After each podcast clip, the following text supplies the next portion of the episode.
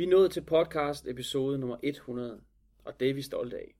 Vi har nemlig lavet 100 episoder med eksperter fra alle sider af arbejdslivet. Vi har talt med arbejdsglædeeksperter, ledelsesguruer, livsstilseksperter, iværksættere, sportsfolk, supersælgere, advokater og mange, mange flere. Alle sammen havde de det til fælles, at de havde pointer og budskaber og værktøjer til dig, som havde til formål og har til formål at give dig god arbejdsløst. Lyt med her og få et uddrag af de allerbedste episoder og arbejdsglædespointer fra Krifas podcast. Velkommen til Grifer Podcast om alt det, der giver dig god arbejdsløst.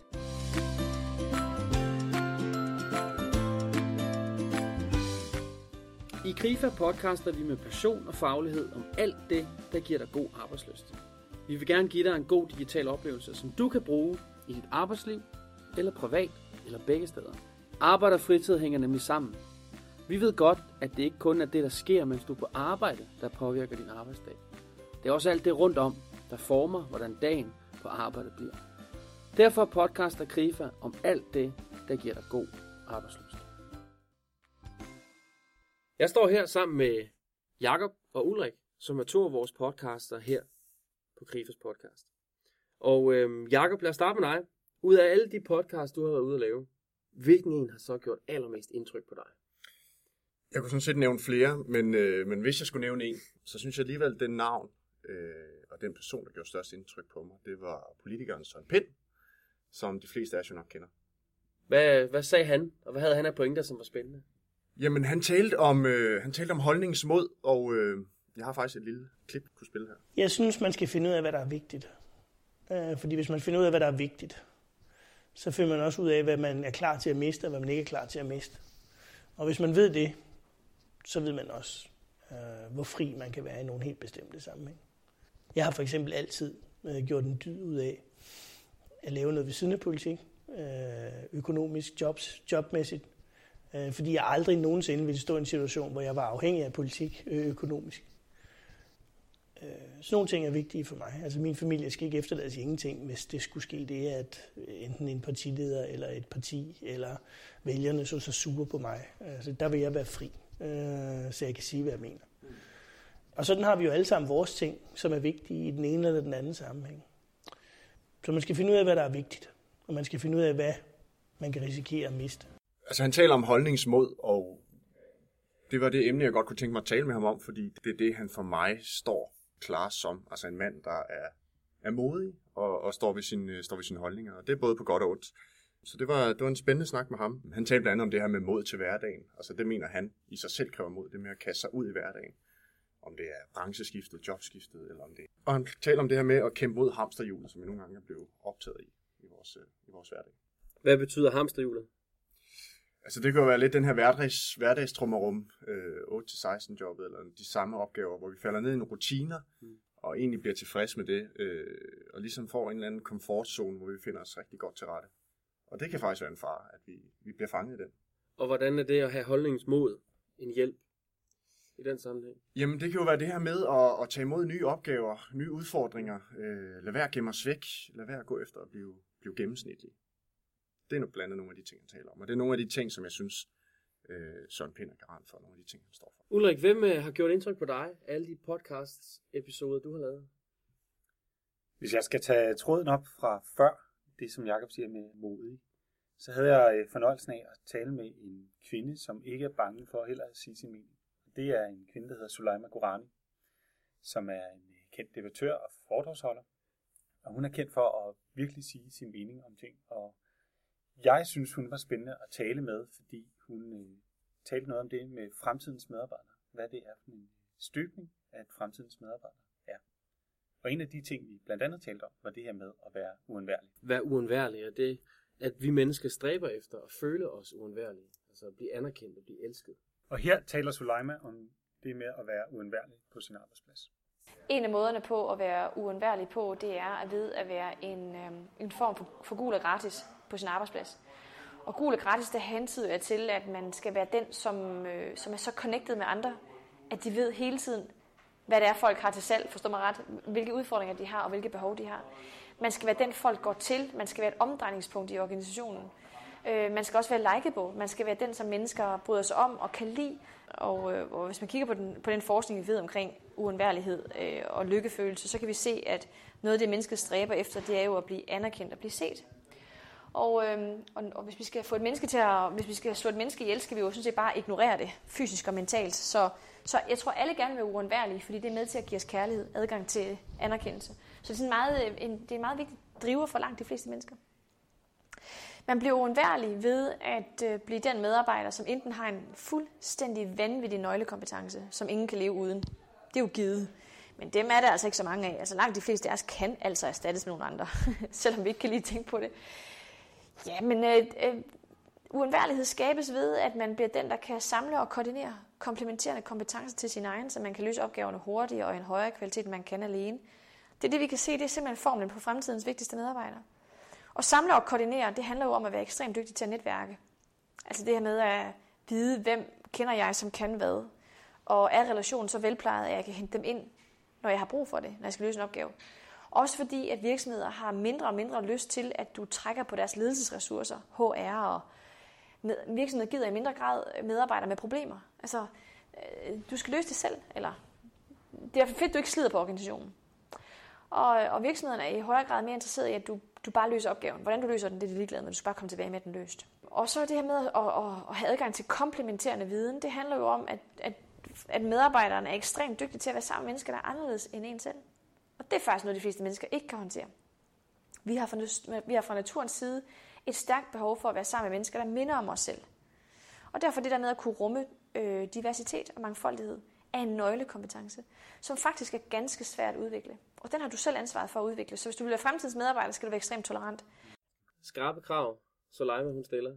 Men hvis man sådan skal opsummere det i én ting, så tror jeg, at jeg vil sige, at Soleima mener det her med, at man skal være en vældig medarbejder, altså en likable medarbejder, som, som andre mennesker godt kan lide. Og det er jo så en udfordring til os, hvordan vi bliver den medarbejder i fremtiden.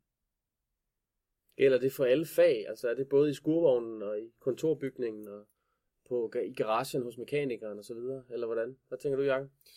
Jamen, jeg, jeg tror, det gælder i flere brancher. Jeg tror ikke kun det på, øh, på direktionsgangen og, og i den verden, Soleima hun færdes i. Jeg tror også, det kan være i skurvognen, at den vældige håndværker, øh, han bliver mere uundværlig. Altså, det kan både være fagligt og socialt. Altså ham, der er, er, er gavmild på at, at lytte til sine kollegaer, men også ham, der er gavmild med smarte løsninger.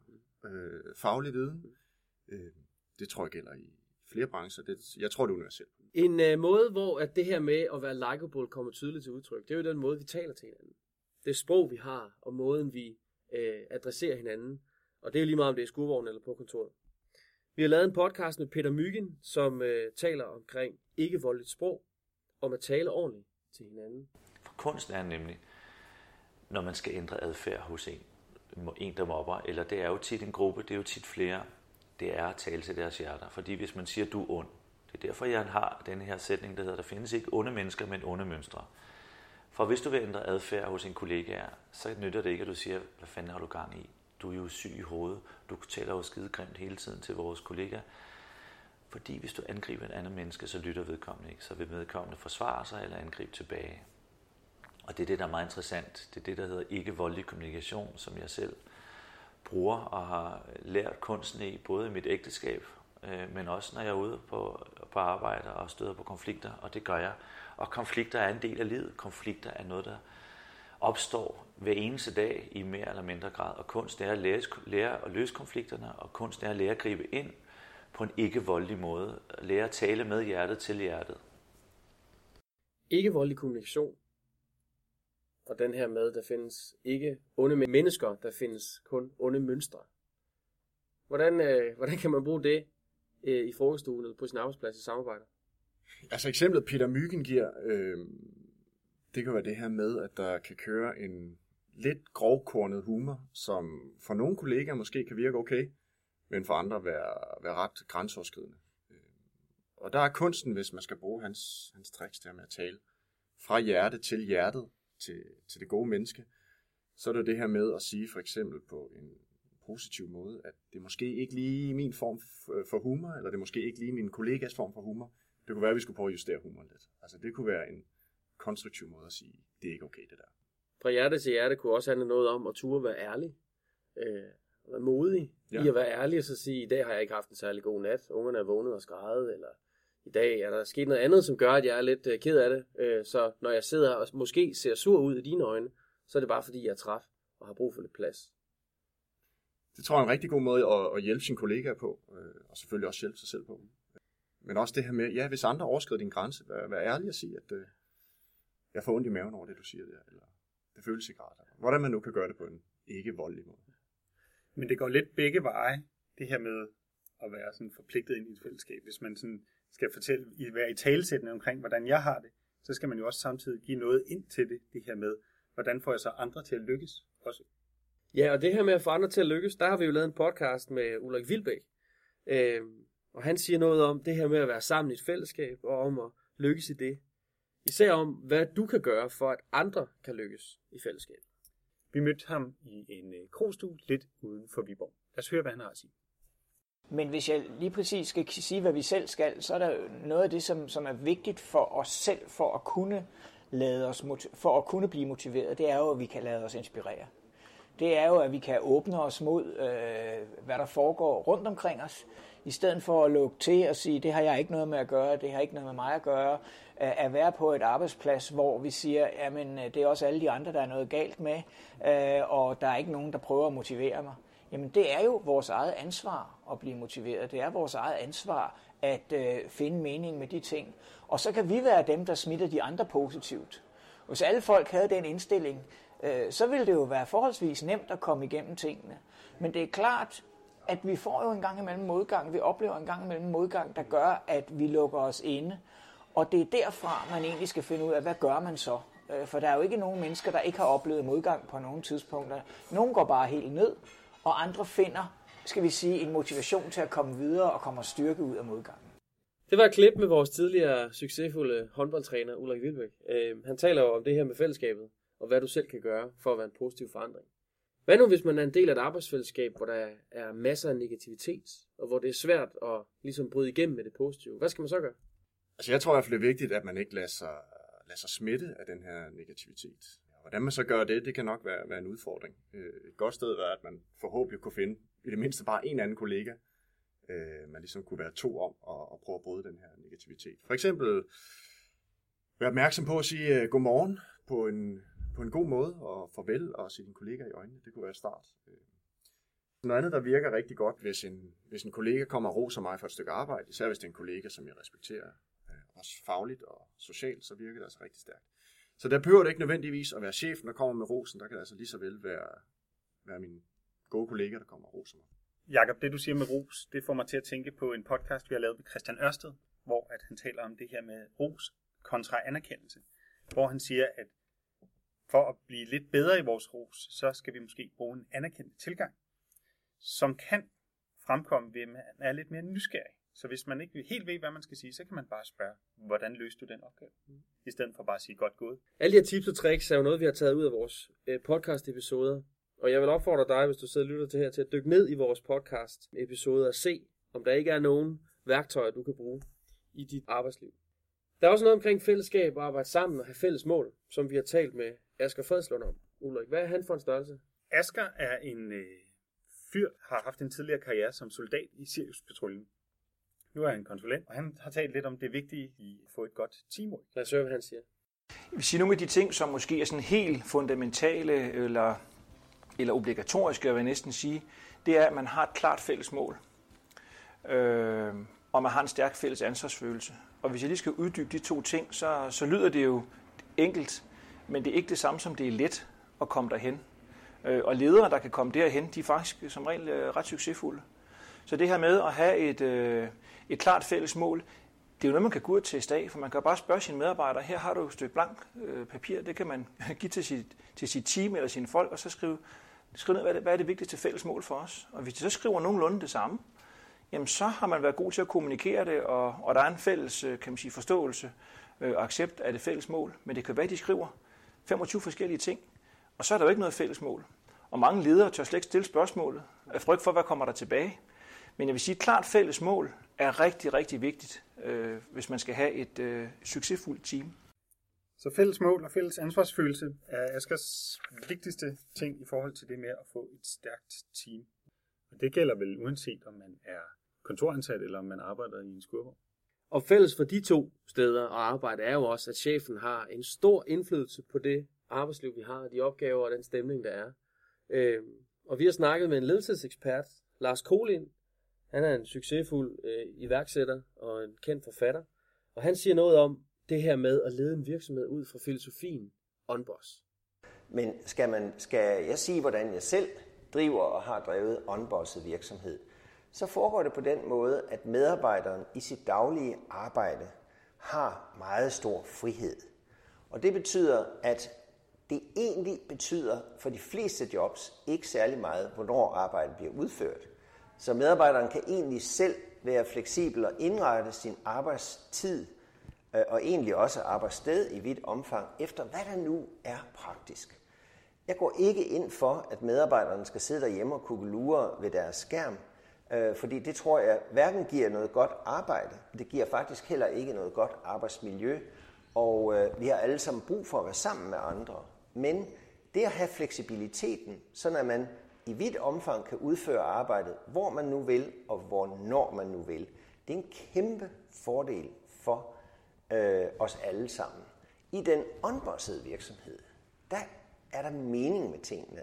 Den enkelte medarbejder kan se, at det, som vedkommende gør, det, det gør en stor forskel. Det passer ind i en større sammenhæng. Det gør en stor forskel. Og min erfaring er, at når medarbejdere oplever, at deres arbejds øh, opgaver giver mening, så bliver de gladere, de bliver mindre stressede, de bliver øh, mere øh, i bedre humør, de får mere lyst til at gøre noget, og dermed får vi et bedre liv ved, at det vi gør giver mening. Lars Kolin, han nævner jo her en masse rigtig lækre ting. Frihed, medbestemmelse, og konsekvensen af det er mening og Sikkert også mere effektivitet. Men altså, en sygeplejerske kan jo ikke rulle sygesengen hjem med patienterne i og arbejde på dem derhjemme. Og en mekaniker, han kan jo, eller vel sikkert heller ikke køre bilerne hjem og så stå og, og rode med dem i weekenden. For nogle fag, så er det jo meget fast, at man skal lave det, man laver, der hvor arbejdspladsen er. Hvordan er man så fri og har medbestemmelse i den slags virksomheder? Ulrik, hvad tænker du? Noget af det, jeg tænker, når du spørger mig om det, det er jo det her med, at der også kan være en dimension af faglig medbestemmelse, mm. altså frihed til at vælge, hvordan du udfører dine opgaver. Så det kan godt være, at du er sygeplejerske, men at du har en leder, der stoler på, at du er den bedst faglige til at udføre den opgave, du har, ja. det kald, du har. Og så kan det også være det her med, at man oplever, at der er en, en sådan social elastik mm. i forhold til sit arbejdsliv. Det her med, at man øh, i nogle perioder måske øh, kan skrue lidt mere op for dampen, og i andre perioder kan skrue lidt mere ned det griber jo så lidt ind i det her med work-life balance, altså balancen mellem arbejdsliv og fritidsliv, arbejdsliv og familieliv. Og øh, det kan jo godt blive for meget, mm. så den her frihed har også nogle konsekvenser.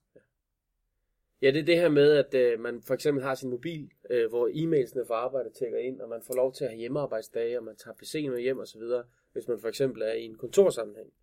Øh, og der kan det også tippe over, som du siger, Ulrik, at blive en, en 50-60 timers arbejdsuge hvor vi jo i Danmark har aftalt med hinanden, at det skal være en 37 timers arbejdsuge. Hvordan, hvordan takler du det, Jacob? Er det relevant med frihed? Øh, bruger du den positivt? Hvordan ser det ud i dit arbejdsliv? Jamen, jeg, jeg bruger den i høj grad, og nu er jeg også selv familiefar til to små børn. Og nu det her, I taler om med det her grænseløse arbejdsliv med øh, hjemmearbejdsdage og øh, arbejdstelefon med mobil med e-mails på osv. osv. Det er jo sådan lidt, det er jo lidt det her tvægget svært, ikke? for det er jo både en fleksibilitet, og det kan også være en, en, en lavine, hvor timerne bare begynder at rulle ind, og du kommer til at arbejde mere og mere. Så det er jo der, du sådan selv skal, skal sætte din egen grænse på en eller anden måde. Men, men for mig, ja, øh, medbestemmelse og fleksibilitet, og det at kunne få familiekabalen til at gå op ved, at man nogle gange arbejder hjemme, og kan gå til lægen med, med en søn, når han er, når han er syg osv., osv. Det er da en kæmpe stor fleksibilitet for mig personligt. Som vi kan høre, så er balance en nøgle i vores arbejdsliv. Og en mand, som har kæmpet med balancen og haft en balance, der tippet, det er tidligere skibsredder Lars Juhl, Jakob, hvordan er det med hans historie? men det, er en, øh, det er en rigtig spændende podcast, synes jeg. Det er skibsrederen Lars Juhl, som du selv nævner, som har arbejdet helt vildt og, og kæmpet lidt med sin egen balance. Det har også øh, det resulteret i blandt andet, at han, han nåede at ligge i koma, han mistede korttidsudkommelsen, han havde natlig svedetur. Han nævner selv, at han havde alle de her øh, advarselslamper tændt i forhold til at, at gå ned med stress. Og det ender det så også med, at han får to gange, to gange hjertestop, og derfor bliver nødt til at sige stop. Han taler om det her med at køre passioneret ud over skrænten. Når han får sagt stop, og han, får, øh, han driver nu sin egen konsulentvirksomhed, har virkelig givet ned, men han taler om, at han selv den dag i dag kæmper med balancen. Og han kan da nogle gange savne de der rigtig travle arbejdsdage. Det er lidt vildt at høre om, men også inspirerende. En rigtig fed podcast episode. Lad os høre, hvad han siger omkring balance. Jeg ønsker at sige, at jeg kunne sige, at jeg havde fundet den perfekte balance lige nu. Fordi det er den, jeg virkelig har hidet efter at, at ende der. Men jeg har gjort mig nogle gode tanker om, hvornår den perfekte balance er. Og hvis man står op med sådan øh, skuldervide, fødderne i skuldervide afstand, og man står helt stille, så er man i perfekt balance. Men det bringer ikke rigtig nogen, nogen steder, vel? Man er ligesom nødt til at læne sig lidt frem og komme ud af balance for, at der er noget fremdrift. Så, øh, så den perfekte balance, det tror jeg er et meget flygtigt sted, og det er, ikke, det er, ikke, det er jo lidt utopisk sted at være. Så man skal acceptere en eller anden form for ubalance i sit liv, og så skal man bare huske, at øh, vi kan aldrig sætte pris på det gode her i livet, hvis ikke der var det onde. Vi kunne ikke sætte pris på vores fritid, hvis ikke vi havde vores arbejdstid. Så det er ikke noget med enten eller, som jeg har valgt. Det er et spørgsmål om at finde en sund balance, og nogle gange skal der kun små bitte justeringer til. Hvad skal vi øh, lære fra hans historie? Jamen, jeg tror, vi skal lære, at, øh, at der findes ikke sådan en, en one size fits all i forhold til det her med balance. Øh, jeg tror, vi alle sammen har forskellige balancepunkter, og, og han har været en, som har været drevet af at nå nogle helt vilde resultater ved at arbejde rigtig, rigtig meget. Og det er ikke sikkert, at det er det samme, der gør sig gældende for mig. Det kan godt være, at det er en helt anden måde, jeg skal arbejde på i forhold til der, hvor jeg er i mit liv. Kan man tale om, at han følte, at han var i balance, men han i virkeligheden var i en, i en destruktiv ubalance? Jeg tror ikke, han følte noget. Jeg tror nærmest ikke, han kunne mærke sig selv. Ja. Det, det arbejdspres, han var ude i. Øh, jeg tror helt sikkert, vi har, altså der er tale om, om en ekstrem mand her, som, ja, som jeg siger, har været drevet af nogle, nogle helt vilde resultater. Han har lyst til at skabe resultater. Og det ønsker med, at han kørte passioneret ud over skrænten. Ja. I det her klip her nævner han også ubalance som, som, som noget, man kan være i. Øh, kan man bruge ubalancen til noget positivt? Ulrik? Selvfølgelig kan du det, som han også selv nævner. Så det her med, at der er en lille ubalance, kan også skabe noget fremdrift, så ting ikke bare går i stå. Det kan godt blive sådan lidt for, for rundbordspædagogisk det her med, at man heller ikke må være passioneret omkring noget som helst. Ulrik, hvad er eksemplet på øh, en ubalance for dig og mig? Det kunne for eksempel være, at øh, man bliver tvunget ud i en eller anden form for ubalance, at det er noget udfrakommende, der ligesom skaber en eller anden ubalance. Det kunne være en fyring, som ligesom ruster ens øh, fundament, man står på, sit arbejde, sin identitet, og når man er derude, så er man lidt i ubalance. Det kan også være noget øh, indenfra, for eksempel i ens organisation, der skal lave nogle ting om, men det kan også være nogle nye mål, man sætter for sig selv, som ligesom skaber en eller anden ubalance. En vane, man skal bryde, hvilket vi også har masser af podcast om det her med at bryde nogle vaner. Mm. At have balance og ubalance på forskellige tidspunkter i sin karriere i sit liv, det er noget Eske Villerslev han har prøvet. Hvor han nævner, at han har brugt rigtig mange timer på sit arbejde, ligesom hvis du var professionel fodboldspiller. På samme måde kan det også være i ens arbejdsliv, det her med, at man bruger rigtig mange timer på at dygtiggøre sig, eller man har en passion eller en ambition om rent faktisk at nå noget. Prøv en gang at høre, hvad han siger her. Jamen det er klart, at du, du, du betaler jo, det tror jeg, du gør med alt her i livet, ikke? du betaler jo en pris på den måde at forstå, at det du bruger meget tid på, det betyder jo øh, uundgåeligt, at du bruger mindre tid på noget andet. Sådan er det jo. Altså, så hvis du bruger meget tid på noget, så er der mindre tid til, til resten. Og på den måde, kan man sige, så kommer alle valg her i livet jo med en konsekvens. Altså, ikke? Det er jo lige meget, hvad fanden du, øh, du sidder med. Så det vil sige, bruger du meget tid på dit arbejde, ja, så er der mindre tid til din familie eller kæreste, eller hvad det nu er. Og det er jo, øh, kan man sige, det er jo en balancegang øh, at prøve. Altså dengang jeg ikke havde børn, og jeg ikke havde, var gift og sådan noget, altså der arbejdede jeg hele tiden. Jeg lavede ikke andet end arbejde.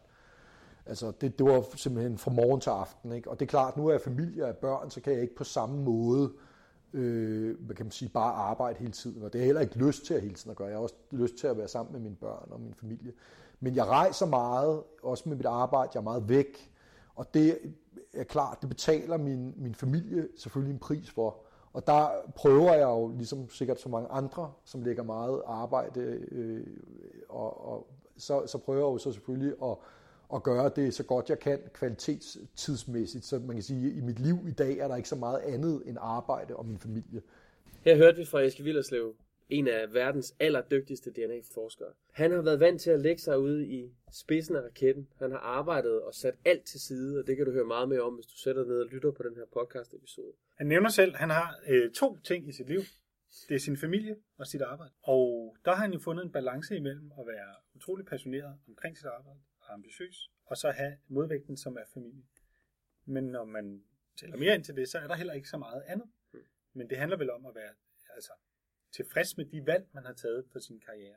Så man kan jo sige om Eske, at det var okay, at hans balance tippede til den ene side, hvor at arbejdet fyldte alt og fylder alt i perioder af hans liv altså. Og så var det vel egentlig okay, eller hvad, Ulrik? Det er det jo. Vi er jo forskellige som mennesker, og derfor har vi også forskellige øh, håndtag at skrue på i forhold til det her med at være i balance. Det kan være, når du har små børn, at du måske har mere brug for den der lidt sikre ramme og 37 timers arbejdsuge, og så kan det være, når du er nyuddannet, at du kan lægge 50 timer.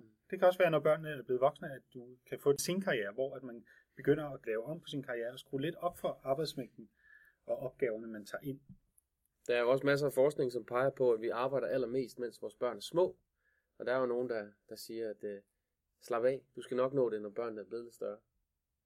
Der er faktisk lavet forskning på, at, at børnefamilier arbejder i gennemsnit en time mere end mennesker uden børn. Øh, det læste lige her i går. Det var lidt interessant, synes jeg. Det kan man jo stille spørgsmål til, om det er den rigtige balance, Jacob. Det er svært at sige, at det er den rigtige balance. Det er i hvert fald virkeligheden. Og, og det har måske noget med at gøre, at, at børnefamilier ofte er en eller anden alder, hvor man måske øh, lige er blevet uddannet, eller du er i en eller anden periode af livet, hvor du sådan er ved at træde ind på arbejdsmarkedet, så du skal etablere dig selv, og du skal skabe en karriere og denne karriere. Så man jagter afsted for at, at få tingene til at hænge sammen. Hvordan finder man ud af, hvor balancepunktet er nu og her? Øh, og hvordan finder man ud af, om man har balancepunktet det rigtige sted?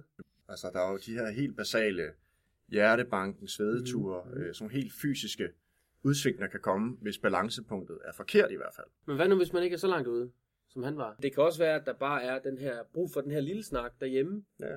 øh, over aftensmaden. Har vi det rigtige balancepunkt? Jeg tror, at den her ubalance, den kan, den kan mærkes på flere forskellige måder. Det kan være lidt det her ekstreme eksempel, som med, med Lars Juhl, hvor man er nødt til at træde på bremsen. Det er meget tydeligt, man er i ubalance der. Eller så kan det også være det her med at komme det lidt i forkøbet. Altså hvis du mærker den her lille ubalance og en dårlig samvittighed, både over for arbejdspladsen og din familie, så kunne det være, at man lige skulle sætte sig ned og holde et lille familiemøde og snakke om, hvordan ligger vores prioriteringer, ligger de rigtigt, og kan vi vinde noget tid et eller andet sted. Det kunne være en måde. At prøve at vinde noget balance, eller vinde noget tid. Øh, hvordan finder man ud af, om man har den rigtige balance? Jakob, hvad siger du? Jamen, jeg tror, at en samvittighed, den, den spiller en vigtig rolle her, når man, når man taler ubalance. Den klassiske, det er det her med, at du både føler, at du har en dårlig samvittighed over for din arbejdsplads og kollega, men du har sandelig også over for din familie, for du føler ikke helt, du er nok til stede. Nogle af stederne. Og det er jo den her dobbeltsidet øh, ubalance og dårlig samvittighed. Og det, der kan den være meget tydelig, tror jeg, med en samvittighed. Der kan man jo mærke efter.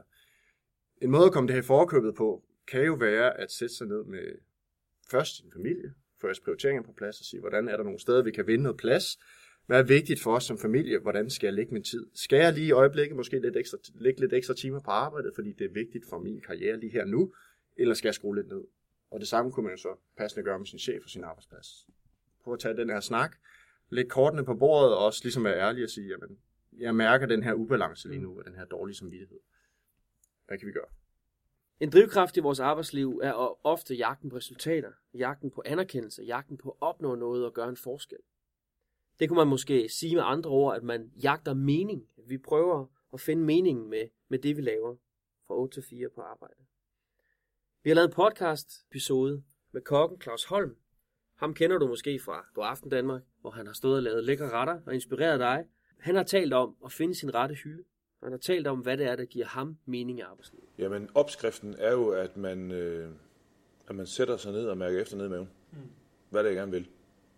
Og jeg var ikke sekund i tvivl om, da jeg stod inde med Paul. Jeg kender ham i dag, han er 60 år i dag. Jeg var ikke sekund i tvivl om, at, øh, at få lov til at stå og lave sin egen mayonnaise vinduekernolie. Jeg ved godt, det lyder åndssvagt som 15-årig, men jeg tænkte bare, det her, det er kraft, det, med, det er lige det her, det jeg skal, ikke?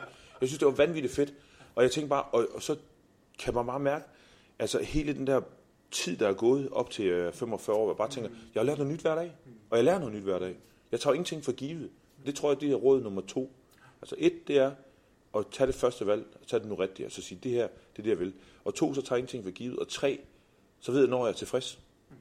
Altså hvis jeg har fået, lad os nu sige, okay, jeg får en million for den her opgave. Lad os bare sige det. Jamen så er jeg tilfreds med det. Så er det ligeglad med, om du kommer og siger, at du får to millioner for den samme opgave. Det, her, der er jeg tilfreds, og det tror jeg, når man er tilfreds med det, man laver, så tror jeg, at man kan lave det lang tid. Min svigermor, hun har været ansat det samme sted 36 år, mand. Jeg kan bare huske, at jeg mødte hende for første gang, der for 26 år siden, hvor hun, jeg tænkte, "Hold kæft det kunne jeg ikke. Men, men det er simpelthen øh, det der med, at man finder ro i det, man laver, og man er tilfreds med det, ikke? og man så konstant kan udvikle sig inden for det, man er god til. Jeg hopper jo ikke op og begynder at stille og snakke om øh, skatteopsving og barnløshed på en eller anden kasse, for det ved jeg ikke noget om, men jeg ved noget om smag. Og jeg siger hellere nej øh, til en, et projekt, hvor jeg ved, at det her det kan jeg ikke, end at sige ja til noget, hvor man bare tænker, at det er usel mammut. Og det forstår folk ikke om mig. De tror, at der er sådan, at han skovler penge ind. Det kan godt være, at jeg skovler penge ind, men jeg, jeg har penge inden, så jeg kan betale min regning og min gæld. Og når det så er til over, så putter jeg lidt til side til, når jeg bliver gammel. Og så er der en klump tilbage, den deler jeg simpelthen ud af.